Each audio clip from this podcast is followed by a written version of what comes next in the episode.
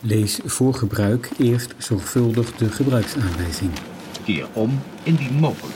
Leg alle buizen, verbindingstukken, staanders, bevestigingsonderdelen op de grond zoals in de onderstaande tekening voorgesteld. Sla linksaf. Sla daarna rechtsaf.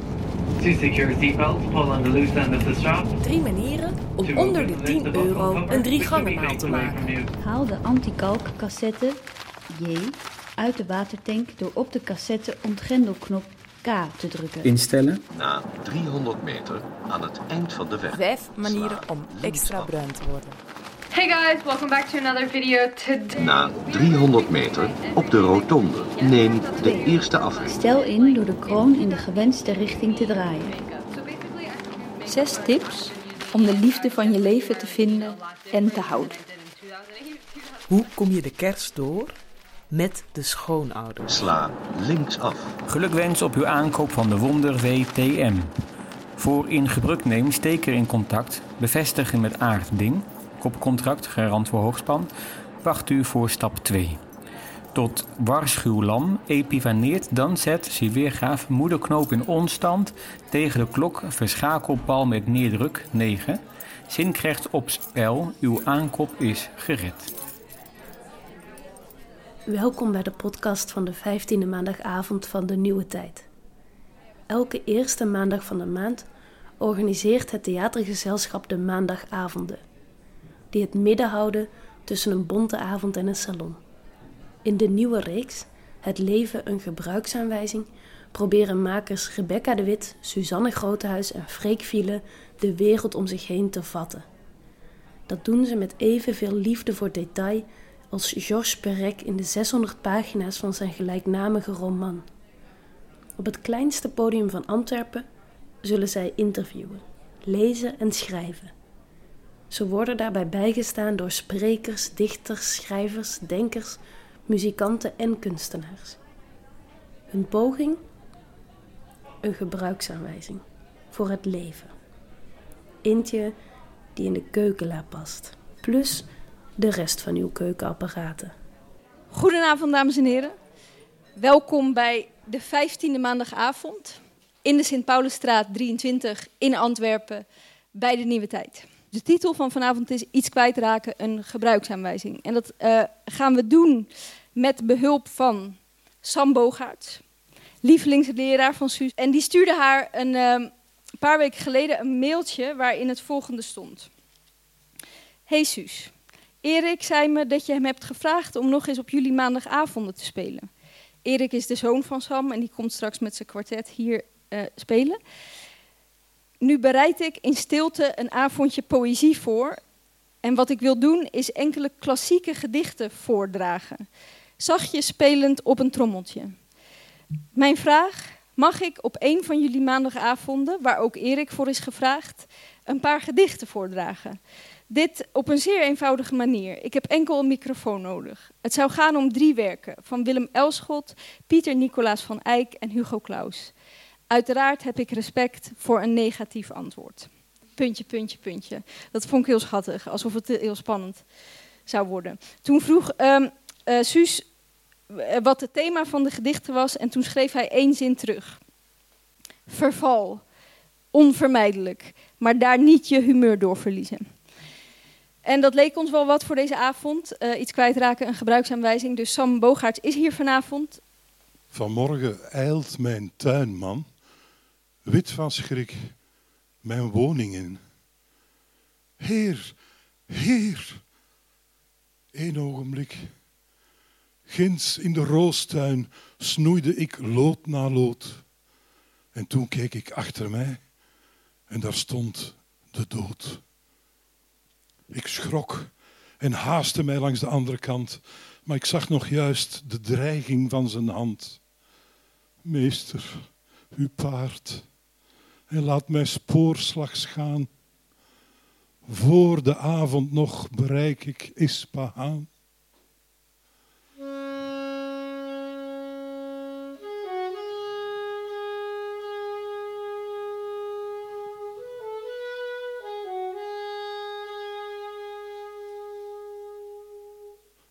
Vanmiddag, lang reeds was hij heen gespoed. heb ik in het Cederpark de dood ontmoet. Waarom? Zo vraag ik, want hij wacht en zwijgt. Hebt gij in het Cederpark mijn knecht gedreigd? Glimlachend antwoordt hij. Geen dreiging was het waarvoor uw tuinman vloot. Ik was verrast, omdat ik ochtends hier nog stil aan het werk zag staan, die ik s'avonds halen moest in Ispahan.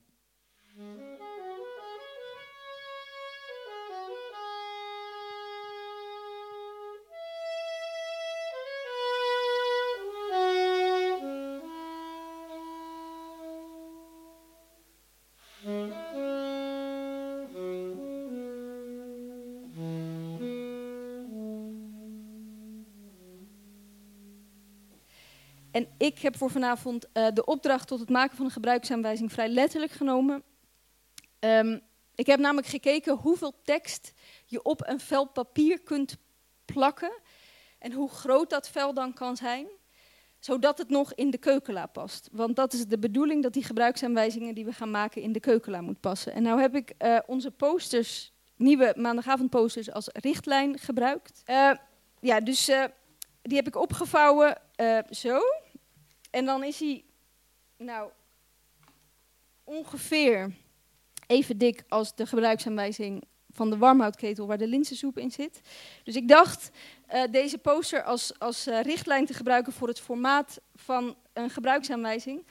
En nu blijkt dus uh, dat er meer in een avond past dan op dit vel, want nu ben ik al op de helft van het vel. Het idee is dat ik na deze avond uh, de meest bruikbare citaten en metaforen en mooiste trucken om iets kwijt te raken uh, op deze achterkant ga proberen te fabriceren. Nu zijn er een aantal bruikbare metaforen, citaten of trucs voor het kwijtraken die het in het kader van de handzaamheid van de gebruiksaanwijzing niet hebben gehaald. Zo vertelde Rebecca over een boek dat ze vorig jaar las. Het verborgen leven van bomen. Daarin staat onder andere dat bomen vrienden kunnen worden. Een metafoor om te zeggen dat bomen elkaar in stand kunnen houden, door voedingsstoffen, water en licht naar elkaar te sturen. Je kunt die vrienden in een bos herkennen, doordat, hoewel hun wortels met elkaar verstrengeld zijn, ze ver uit elkaar zijn gegroeid, ze elkaar het licht gunnen uit elkaar groeien kan op die manier een daad van liefde zijn. Nu, ik was daar een beetje over na en um, uh, over hoe ik dat dus metaforisch geregeld kreeg in mijn hoofd met die wortels. Tot Suus mij een uh, artikel doorstuurde van uh, dat er heel veel diersoorten aan het uitsterven zijn. En ze zei, moeten we niet een, een gebruiksaanwijzing maken voor um, het kwijtraken van al die dieren om ons heen. En ik heb dat plan voorgelegd aan een bioloog en dit is wat hij daarop zei.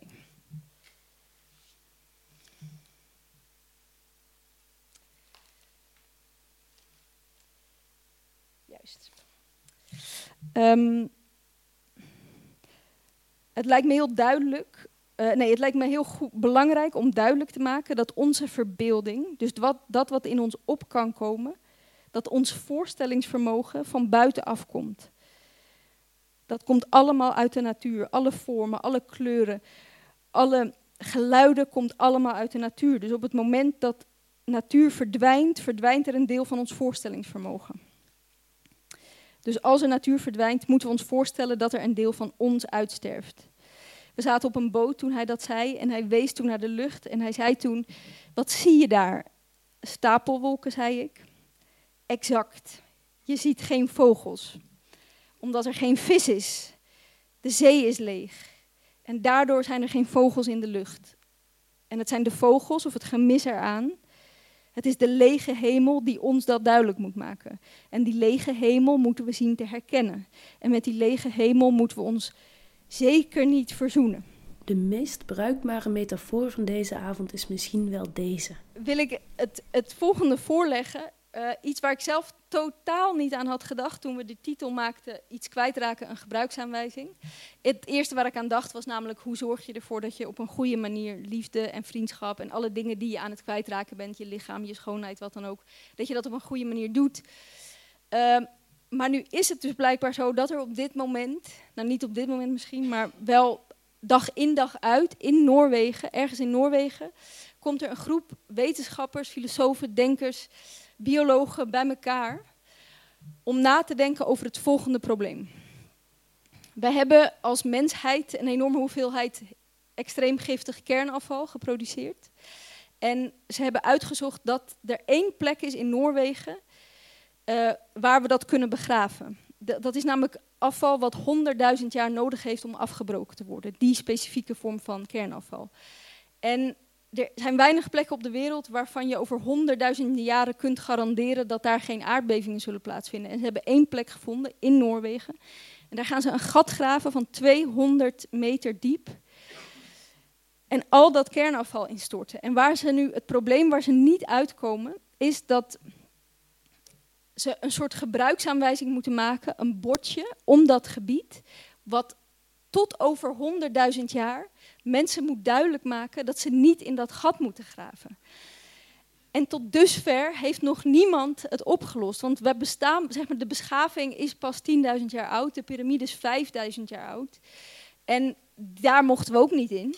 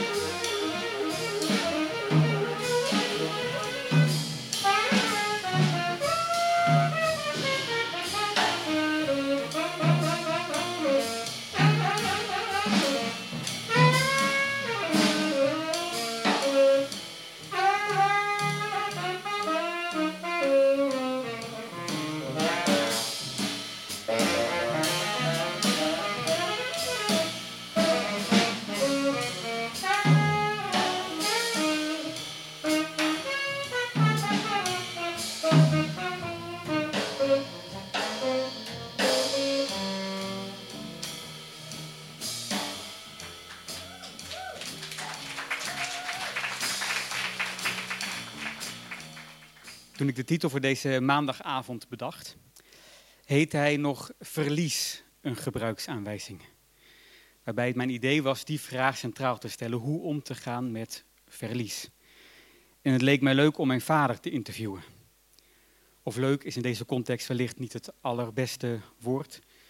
Maar mijn plan was om samen met mijn vader naar een voetbalwedstrijd te kijken. Een voetbalwedstrijd uit het verleden waar hij het meest van had gebaald dat die verloren was gegaan. Ik dacht zelf aan Nederland-Duitsland. De finale van het WK 74. Eentje die hij gezien heeft live op tv als 16-jarige en die ik op mijn toen min 11e niet zag. En dan dacht ik om tijdens die voetbalwedstrijd dan het geluid heel zacht te zetten, de wedstrijd samen te kijken en dan te spreken. Over waar we dan ook over zouden spreken. Over verliezen, over Duitsland, de jaren 70, het beeldscherm waarop hij die wedstrijd keek, de volgende dag, hoe hij was opgestaan, voetbal in het algemeen. En misschien als het gesprek daarop zou komen over mijn moeder, zijn vrouw, die we negen maanden geleden hebben verloren, in de zin dat we niet meer weten waar ze precies is nu. Wat ik een gekke uitdrukking blijf vinden.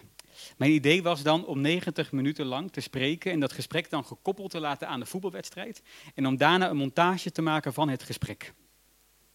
Waardoor je ook het, de, uh, uh, de wedstrijd een montage geeft die misschien begint in minuut 80 en dan weer terugspringt naar minuut 2 en dan uh, uitkomt in de rust. Of andersom, een samenvatting te maken van de wedstrijd, waardoor je in ons gesprek zou moeten springen. Ik heb dat uiteindelijk heb ik dat niet gedaan. Ik was namelijk op vakantie.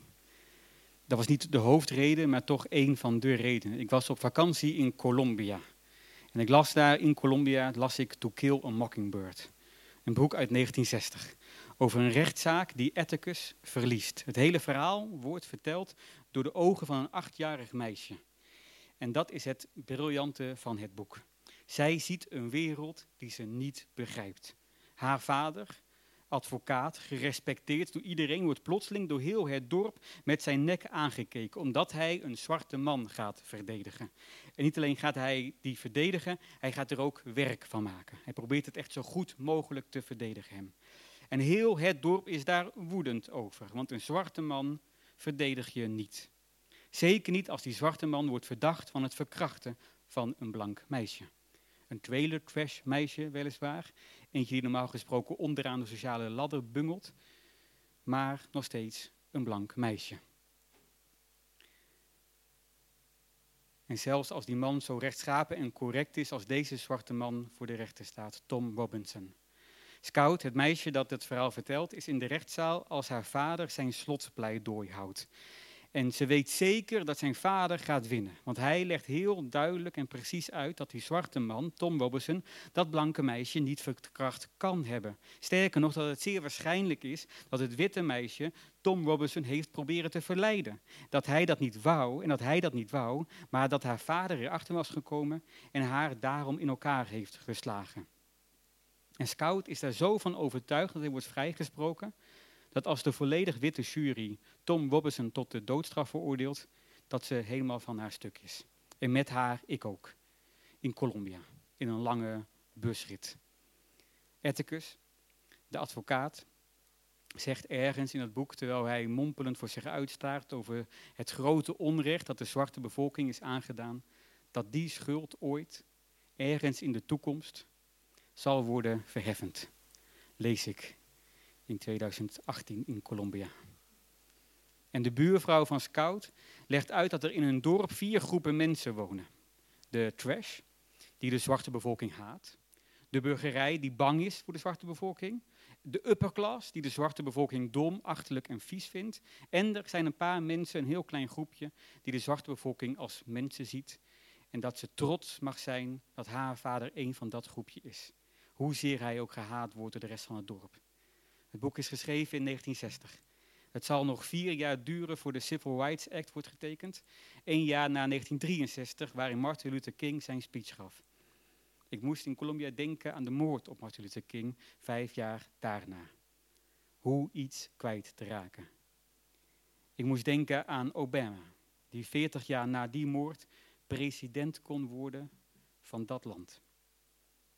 Ik moest denken aan Trump, die tien jaar na Obama als wraak op Obama de macht heeft. Ik moet denken aan de bomstaven, de moorden in de synagoge, de racistische bagger die ik sindsdien elke ochtend op mijn Twitterlijn binnenkrijg. Hoe iets kwijt te raken. Voor mijn vader was er afgelopen maanden maar één antwoord. Blijven bewegen. Ik heb vorige week de foto's van de vakantie opgehaald. Ik heb zo'n analoge wegwerpcamera had ik meegenomen. Waarmee je enkel mooie foto's kunt maken als datgene wat je gefotografeerd zelf mooi is. En hoe prachtig Colombia en mijn vriendin op die foto's ook zijn. Mijn favoriete foto was van negen maanden geleden. Ik was al vergeten dat ik hem genomen had. Of dat hij genomen was. Het is een foto waarop mijn vader en ik net uit het zwembad zijn geklommen. Twee lichamen, zwembroek aan, een beetje voorover gebogen, kijkend, druipend in de camera. Ik had hem meegenomen naar het zwembad. Dat leek me een goed idee om in de week na een begrafenis te doen. In ieder geval beter dan thuis zitten. En dat is hij blijven doen. Het zwemmen werd wandelen, maar elke dag blijft hij bewegen. 15 kilo is hij al bleven bewegen in die negen maanden. En hij ziet er beter uit dan ooit. Misschien wel in de hoop dat zijn innerlijk ooit naar zijn uiterlijk zal toegroeien. Hoe iets kwijt te raken. Of toch, hoe om te gaan met verlies. Toen Freek op vakantie in Colombia was, overleed senator John McCain. Freek moest denken aan de speech die John McCain gaf, de avond dat hij verloor van senator Barack Obama. In een zaal vol republikeinen, die nog steeds geloofden, die hun leven de afgelopen maanden in het teken hadden gesteld van die dag. Te midden van boegeroep, voor de voor hen noodlottige uitkomst sprak John McCain. Hij hield een speech over verliezen over zijn verlies die avond. En misschien wel hoe je dat het beste doet. Verliezen. U kunt de speech teruglezen op www.denieuwetijd.be. Hoe lang blijf je het gevoel hebben dat er iets niet klopt? Er iets ontbreekt. Als een soort continu onevenwicht. Ik heb hier de afgelopen maand over nagedacht, over dit um, gevoel. En uh, heb er met best wel veel mensen over gepraat. Ik eh, ben uh, een, een, schilder tegengekomen die blijkbaar tien jaar lang zijn kleur was kwijtgeraakt. En dus tien jaar lang zwart-witte vlakken heeft moeten schilderen totdat hij het weer teruggevonden had. En ik vind het best een lastige introductie, omdat ik het ook best spannend vind, dit interview. Tot ik op een gegeven moment dacht aan um, iemand die ik ken in Antwerpen, Sophie. Die misschien wel de meest extreme ervaringsdeskundige is op het gebied van iets kwijtraken. Um, namelijk, zij, haar broer is vijf jaar geleden verdwenen en eigenlijk niemand weet wat er gebeurd is. Ik heb haar een mailtje gestuurd, totaal, uh, ja, hoe zeg je dat? Ik durfde het eigenlijk niet, maar ik heb het gewoon gedaan. En gevraagd of zij er met mij over wou praten, gewoon tijdens een kopje thee. En uh, we waren bezig met dat gesprek. En op een gegeven moment zei ze tegen me dat het eigenlijk best wel fijn is om het erover te hebben. En dat veel mensen eerder zoiets hebben van, oeh, zullen er maar niks over vragen. Maar dat dat dus eigenlijk best prettig was. En toen heb ik de vraag gesteld, wil je er niet uh, wat over vertellen op de maandagavond? Dat heb ik er afgelopen vrijdag pas gevraagd. Uh, een beetje kort dag dus. En ze stuurde gisteren dat het er heel fijn lijkt. Dus is hier vanavond. Kom erbij, zou ik zeggen.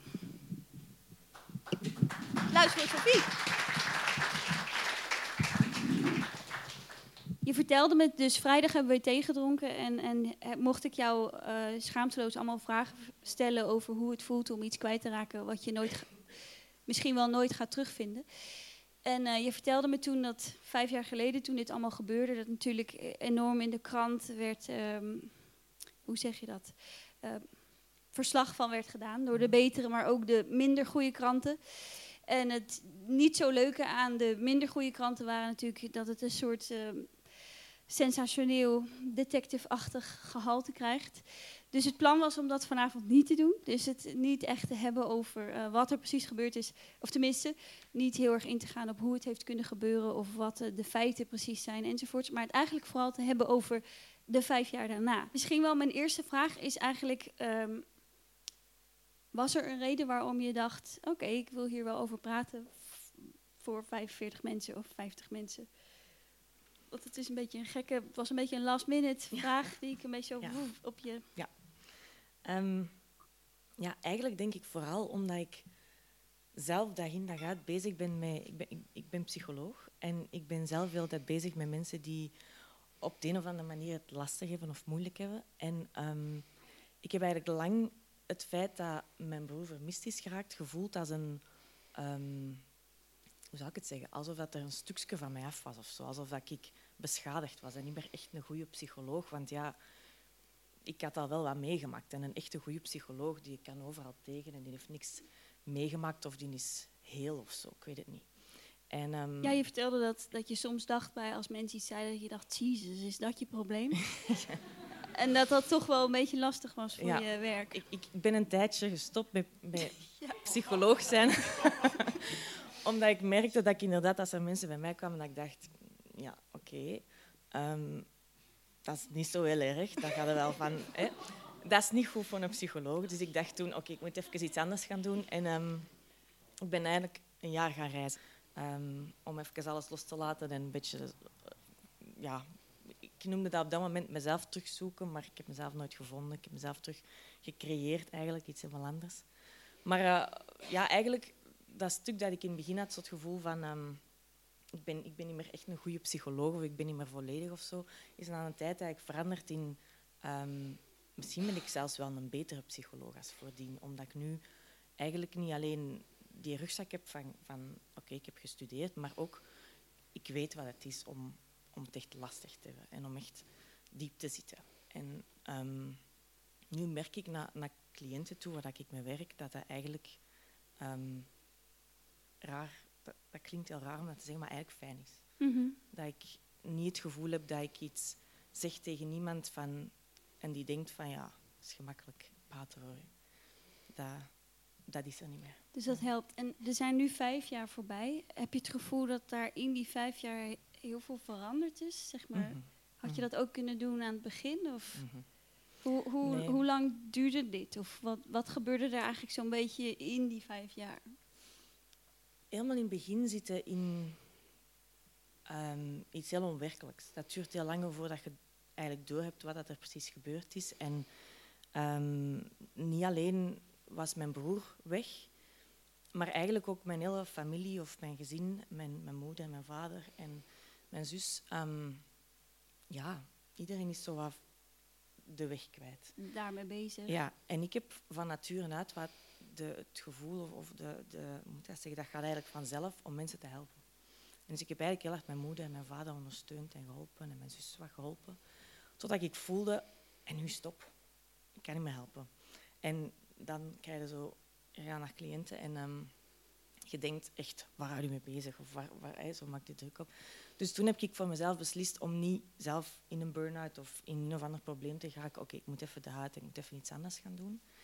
En het is maar met terug te komen. En dan eigenlijk, in het begin heb ik voor mezelf gezegd, ik wil nooit meer psycholoog zijn. Ik wil nooit meer mensen hun problemen oplossen. Ik wil, ik wil iets luchtigs doen. Ik wil iets helemaal anders doen.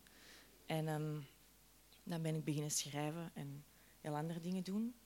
Maar op een bepaald moment heeft mij dat toch teruggebracht naar, naar de psychologie. Dat is iets dat trekt op de een of andere manier. En heb ik daar mijn eigen ding van gemaakt. En Mhm. nu help ik mensen die eigenlijk de weg kwijt zijn. Ehm, Wauw. En dat, dat voelt fijn. Had jij het gevoel toen je, want je, eigenlijk is Sophie een professioneel wereldreiziger. Dus je bent ongeveer een maand per eh, jaar of zo in België. Of eh, zo met tussenposes. Maar in principe ben je meestal in eh, Mexico of Afrika of eh, Azië. Of, bij jou thuis hing zo'n kaart met waar je allemaal bent geweest. Eigenlijk was het weinig, kwamen we tot de conclusie. Want zeg maar, als je naar Groenland gaat, een paar dagen, dan kan je natuurlijk maar een heel klein stukje. Je kan niet in één keer het hele noordelijke Noordpool afstrepen. Ja. Mhm. Maar goed, in ieder geval, ehm, was dat voor jou, die reizen maken, was dat ook een soort de weg terugvinden of zo? Eigenlijk heb ik altijd heel graag gereisd. Maar ik denk dat ik op een bepaald moment wat sociaal wenselijk ben beginnen dingen niet doen. Als in op een bepaalde leeftijd worden geacht om een serieuze job te hebben en om niet meer te reizen of niet meer te veel te reizen. En ehm, ja, ben ik een serieuze job gaan zoeken en heb ik die gevonden en heb ik dat een tijdje gedaan. En eigenlijk met, ehm, met mijn broer die, die vermist raakte, heb ik na een tijd het gevoel gehad, waarom, waarom zou ik een serieuze job gaan doen, omdat dat de bedoeling is volgens de maatschappij of ik weet niet wie, ehm, als dat mij eigenlijk niet echt gelukkig maakt. Mhm. En ehm, op de een of andere manier is dat gegroeid en heb ik op een bepaald moment gevoeld, oké, dat wil ik doen en ben ik dat gewoon gaan doen. En de schrik dat ik vroeger had van, ja, maar wat gaan mensen dan zeggen of denken? Of ga ik dat wel kunnen of ga ik dat wel kunnen betalen en hoe ga ik dat dan doen? Was eigenlijk ehm, veel minder. Je doet Ja. dat gewoon. En dat lukt ook wel. Ja. Zeg, en, ehm, dus als ik het zeg maar super kort en respectvol probeer samen te vatten, is, is eh, jouw broer dus op een bepaalde nacht eigenlijk verdwenen. En ze hebben ehm, eigenlijk zo goed als geen bewijs gevonden, behalve zijn auto. En eh, eigenlijk weet niemand wat er gebeurd is. En je vertelde dat er nog steeds een soort politieonderzoek bezig is enzovoort. Mhm. Dus het is ook wel lastig voor jullie dat dat eigenlijk zoiets geraakt niet zomaar afgesloten. Ehm, en je vertelde me dat ehm, dat, dat eigenlijk, dat, dat kan ik me ook wel voorstellen, dat dat het allermoeilijkste daarin is, dat het niet, ehm, dat er nooit een eindpunt komt aan dit verhaal. Heb je het gevoel dat jullie, jullie hele gezin, gaan jullie ervan uit dat er nooit een eindpunt komt aan dit verhaal? Sorry, een beetje een lange intro naar mijn vraag. Ehm, ik, weet niet, ik, ik weet niet of we daarvan uitgaan, maar ik denk dat dat iets is wat we ons ehm, wat bij neergelegd hebben om, om op de een of andere manier verder te kunnen gaan. Omdat normaal gezien, of normaal gezien, dat is ook weer raar gezegd, maar als iemand verliest of als er iemand sterft, dan hebben wij ehm, rituelen of dingen dat wij doen om, om afscheid te nemen van iemand. En we begraven niemand of ehm, we cremeren niemand of we doen bepaalde dingen en we lezen iets voor en je kunt echt afscheid nemen van iemand. En ehm, er is bij ons nooit een lichaam gevonden of een verhaal echt waterdicht geweest. Of, of, dus er is geen lichaam dat je kunt begraven. Dus we hebben nooit een begrafenis kunnen doen. En we hebben nooit een, een echt afscheid kunnen doen. En we hebben nooit alle mensen bij elkaar gehad eigenlijk om, om ja, op de een of andere manier afscheid te nemen. En ehm, dat, was, dat was het moeilijkste, denk ik. Omdat je normaal hebt in je hoofd zo... Je hebt een periode waarin dat je even niet kunt geloven dat iemand er niet meer is. En op de een of andere manier blijft die periode zo nu duren. Dus je moet, een ander, je moet iets anders doen om... Ja, om- Letterlijk je gedachten verzetten bedoel je. Je- Dat gevoel zelf verandert eigenlijk niet. Ja, en ook een beetje eh, wat, wat je in het begin vroeg, van, heb je dat dan, ehm neem, neem je aan dat dat, dat dan altijd zo gaat blijven? Ik denk dat je dat ergens moet doen om, om ehm, verder te kunnen, maar langs de andere kant doe je dat ook ergens niet, omdat je dan het gevoel hebt dat je hem in de steek laat of zo. Want Ja, ja, ja, stel, stel dat, je weet het niet 100% zo, zeker. zolang dat er geen lichaam ge- gevonden is, kun je dat niet, denk Doe ik. je nog wel eens dingen zodat je opeens merkt oh, dat je kijkt of zo, of eh, dat je even zoekt of zo? Betrap je jezelf wel eens op zoeken? Ja, eh, niet zoeken, maar soms heb je zo ehm, in de flits dat je iemand ziet die daar een beetje op trekt of eenzelfde soort jas aan heeft of, of de stem of, of een lach of zo. En dat je dan je hoofd draait al zien alsof dat je daar in één keer gaat staan, terwijl dat je eigenlijk weet dat dat niet gaat zijn. Maar toch is dat een stukje van u dat dat zo wat hoopt. En ik had dat vroeger vooral als ik naar het buitenland ging. Omdat in mijn hoofd was heel duidelijk dat die niet in België kon zijn. Want België is zo klein. Dat kon niet dat je die daar niet kon vinden, in mijn hoofd. En dus die moest ergens in het buitenland zijn. En ik, de allereerste keer dat ik ehm, nadien in mijn eentje een weekend op reis ging, ehm, heb ik op een bepaald moment achter een auto gelopen. Omdat ik in mijn hoofd daarvan overtuigd was dat hij daarin zat. Terwijl eigenlijk weten dat dat niet zo is. Maar toch, alsof je ergens iets zoekt van, ja, dan, dan misschien Mhm. is hij maar dan al. Een soort reflex bijna, dat je dat moet doen, fysiek of Ja. zo, achter iets aanrennen om te checken. Ja, stel dat dat was en ik heb daar niet achter gelopen. Mhm. Dat, Ja, ja, ja. ja. Ja. Wat ik ook wel mooi vond, en misschien kan je dat een beetje soort samenvatten voor het publiek, was dat je werd benaderd door iemand die een boek heeft geschreven hierover. Een, een vrouw die eigenlijk, of een meisje die hetzelfde heeft meegemaakt. En zij zei tegen jou, je moet, lees dit boek, want we kennen elkaars verhaal. Mhm. En dat ging goed tot en met de helft van het boek ongeveer. Ja, ehm, zij heeft op een bepaald moment contact met mij opgenomen, al een hele tijd geleden, ehm, toen dat in de media kwam van mijn broer. omdat haar broer ook vermist is geraakt tien jaar geleden. En dus een stuk van ons verhaal loopt wel wat gelijkaardig. En ehm, een maand geleden ongeveer was daar boekvoorstelling en ben ik daar ook naartoe geweest. En diezelfde avond in haar boek beginnen lezen, want ik wou eigenlijk haar verhaal lezen. Ik kende haar verhaal, maar, maar lezen. En um, ik betrapte mezelf erop, pas achteraf viel mijn vang, dat op het moment dat um, haar broer gevonden is, want haar broer is wel gevonden, um, dood ook wel, maar gevonden, ben ik gestopt met lezen. Omdat ik het gevoel had, dat is een ander verhaal nu. En dat, ja, dat was moeilijk. Dat was een drempel waar ik niet overkom. Dat ik eigenlijk, dat klinkt raar, misschien maar zo'n beetje jaloers was bekend. En ik wou mm. dat, dat we dat ook konden. Dat we ook zoiets konden stopzetten of zo. En um, het heeft mij nog wat meer tijd gekost om dat boek terug vast te pakken, om daar terug door te raken. Uiteindelijk heb je het wel helemaal gelezen? Ik heb het wel, ja, ik heb het wel gelezen. Maar het bleef dus voelen als een ander verhaal? Ja, en de reden waarom ik het gelezen heb, was eigenlijk omdat het lag op mijn nachtkastje en ik, ik wou het niet daar laten liggen. Dus ik wou gewoon... Dat moest in mijn hoofd. Ja. dat moest uit en dan moest terug in de boekenkast en dan was oké. Ja. Ik snap het. Ja. Um, ja, dus wat ik zelf wel spannend vond of zo aan uh, jouw vragen om hier te komen. En ik ben heel blij dat je zelf het gewoon een fijn idee vond. Maar ik dacht, ja, wat, hoe kunnen we het nou hebben over dat gevoel ten opzichte van zoiets groots of zo? Maar misschien heb je wel, gek genoeg, een soort. Mm, ja, tip is misschien een beetje een raar woord, maar. Je vertelde bijvoorbeeld dat het voor je ouders ook heel anders is dan voor jou. Dus dat jij op een manier toch een manier hebt gevonden om jezelf daar een beetje van af te leiden. Hoewel je natuurlijk nooit helemaal verder kunt gaan. Maar dat je wereld toch wat groter is geworden of zo dan. Hmm. Ja, ik denk... Hoe zorg je daarvoor dat dat niet gebeurt? Ja, in het begin denk ik, voor ons allemaal werd onze wereld even zo heel, heel klein. Er, er bestond eigenlijk alleen nog maar... Helemaal in het begin zijn we in een auto gesprongen en letterlijk gaan, letterlijk gaan zoeken. En zo heb ik ook zijn een auto gevonden op een bepaald moment. En je, je doet nog dingen omdat gelukkig je nog dingen kunt doen. En op een bepaald moment stopt dat, kun je niks meer doen. En, en je voelt ook, ik bedoel, de wereld draait verder, maar voor u niet. En dus je wereld wordt heel klein, omdat als mensen iets zeggen, dan, dan ja, je kunt daar niet meer zo goed mee. Je zit niet meer op dezelfde golflengte of zo. En op een bepaald moment heb ik heel hard gevoeld van, ehm, oké, nu moet ik iets anders gaan doen, of ik, of ik ga hier aan, zo, ja, dat, neemt mij over of zo.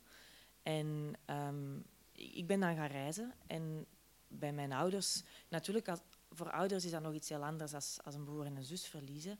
Um, mijn moeder is daar nooit meer echt helemaal over geraakt en ik denk ook niet dat dat ooit gaat gebeuren.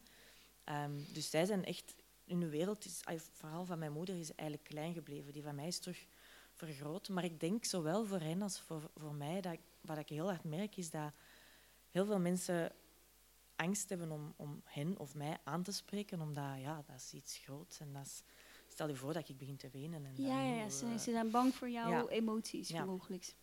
Terwijl eigenlijk is dat, net, is dat net leuk. En zou ik eigenlijk tegen iedereen dat willen zeggen, als, als je iemand weet met verdriet of, of verlies of wat dan ook, om daar vragen over te stellen. Omdat je gaat dat direct merken als dat niet oké is. En dan nog is dat veel okéer dan, dan dat zo letterlijk doodzwijgen omdat dat ook net het probleem is. Iemand is er niet meer en als je er niet meer over mocht praten, is die er helemaal niet meer. Terwijl als je er nog af en toe over kunt praten of zo, of mensen stellen vragen, dan, dan mag die er terug zo'n beetje zijn of zo. En, en dus ik, ik merk dat ja, meestal, zelfs in mijn vriendenkring, uh, ik daarover begin. Omdat andere mensen de neiging hebben om te denken... Het is Zult het er maar niet over hebben. Ja, het is gewoon nu ze lacht of ze is blij, we zullen dat maar even... Hè, zo, ja, het, het schrik voor emoties. Uh, ja, ja. ja, Zijn jullie in jullie gezin, zeg maar, zijn er al momenten dat jullie de slappe lach hebben of zo over herinneringen? Of blijft het in eerste instantie een ja, onderwerp? Ik, de slappe lach niet echt, maar ik kan, ik kan wel echt blij worden van de herinnering van mijn broer. En um, met mijn vader lukt dat soms wel. En dat gaat dan met lachen en dan tranen tegelijk of, of na elkaar en dat is oké. Met mijn moeder is dat nog heel moeilijk. Met mijn moeder is, ja, zij zit eigenlijk wat vast in, in dat verdrietstuk en, en ga ik daar eigenlijk niet uit. Ja, dat is Ja. het gekke, want je hebt zo bij eh, rouwverwerking al die fases waar je in zit, die je heel erg makkelijk kunt opvolgen. Maar in dit geval kan je er precies niet echt aan beginnen of zo, aan heel dat stappenplan, lijkt het. Ja, het eerste stappenplan is dat reëel maken. Hè. En dat is net niet reëel, want er is niks wat je kunt gebruiken om dat reëel te maken. Want er is geen lichaam of verhaal. En dus dat Mhm. blijft ergens zo wat hangen. Of zo. Ja, je, je hebt volgens mij de intro van eh, Rebecca gemist, maar ze kan het je straks wel vertellen, want ze is een gebruiksaanwijzing aan het maken voor hoe je iets moet kwijtraken. Maar wat zij vertelde, wat ik heel mooi vind, is dat je als iets verdwenen is, kan je het je ook niet meer voorstellen. En het lijkt alsof we dat echt nodig hebben om, om ons voor te kunnen stellen waar iets is gebleven. Dat we dat nodig hebben om het dus dat plekje dan te geven, wat je Mm. ook zei. En ik kan me supergoed voorstellen dat dat in dit geval onmogelijk is. En dus Mhm. een ander soort kracht of zo vraagt. Denk je dat je er zelf ooit een boek over gaat schrijven? Ik schrijf heel graag en dus ik, ik heb al heel wat geschreven, ook over mijn broer. Maar op de een of andere manier voelt dat nu nog als iets... Ja, ik ben wel een perfectionist en, en dat, moet dan, dat moet dan echt goed zijn. En in mijn hoofd kan ik dat nu nog niet. Moet ik nog even wat, wat verder doen. Maar op een dag Oké. denk ik wel, ja.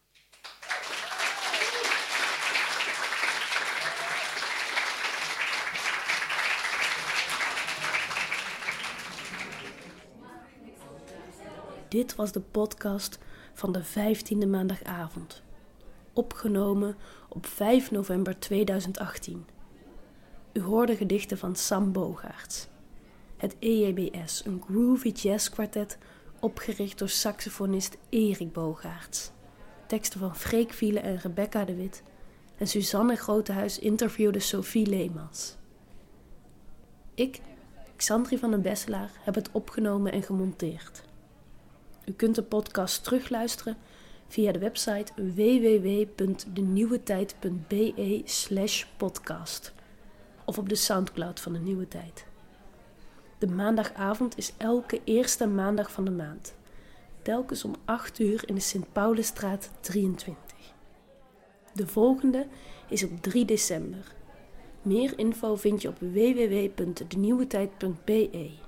Reacties zijn altijd welkom via info.denieuwetijd.be. Zes tips om de liefde van je leven te vinden en te houden. 1. Read all instructions before use. Warning.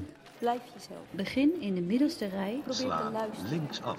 Pas daarna kan de tweede zijde gelijk naar de zijkant toe worden Blijf opgebouwd. erin geloven. 6. Wees klaar.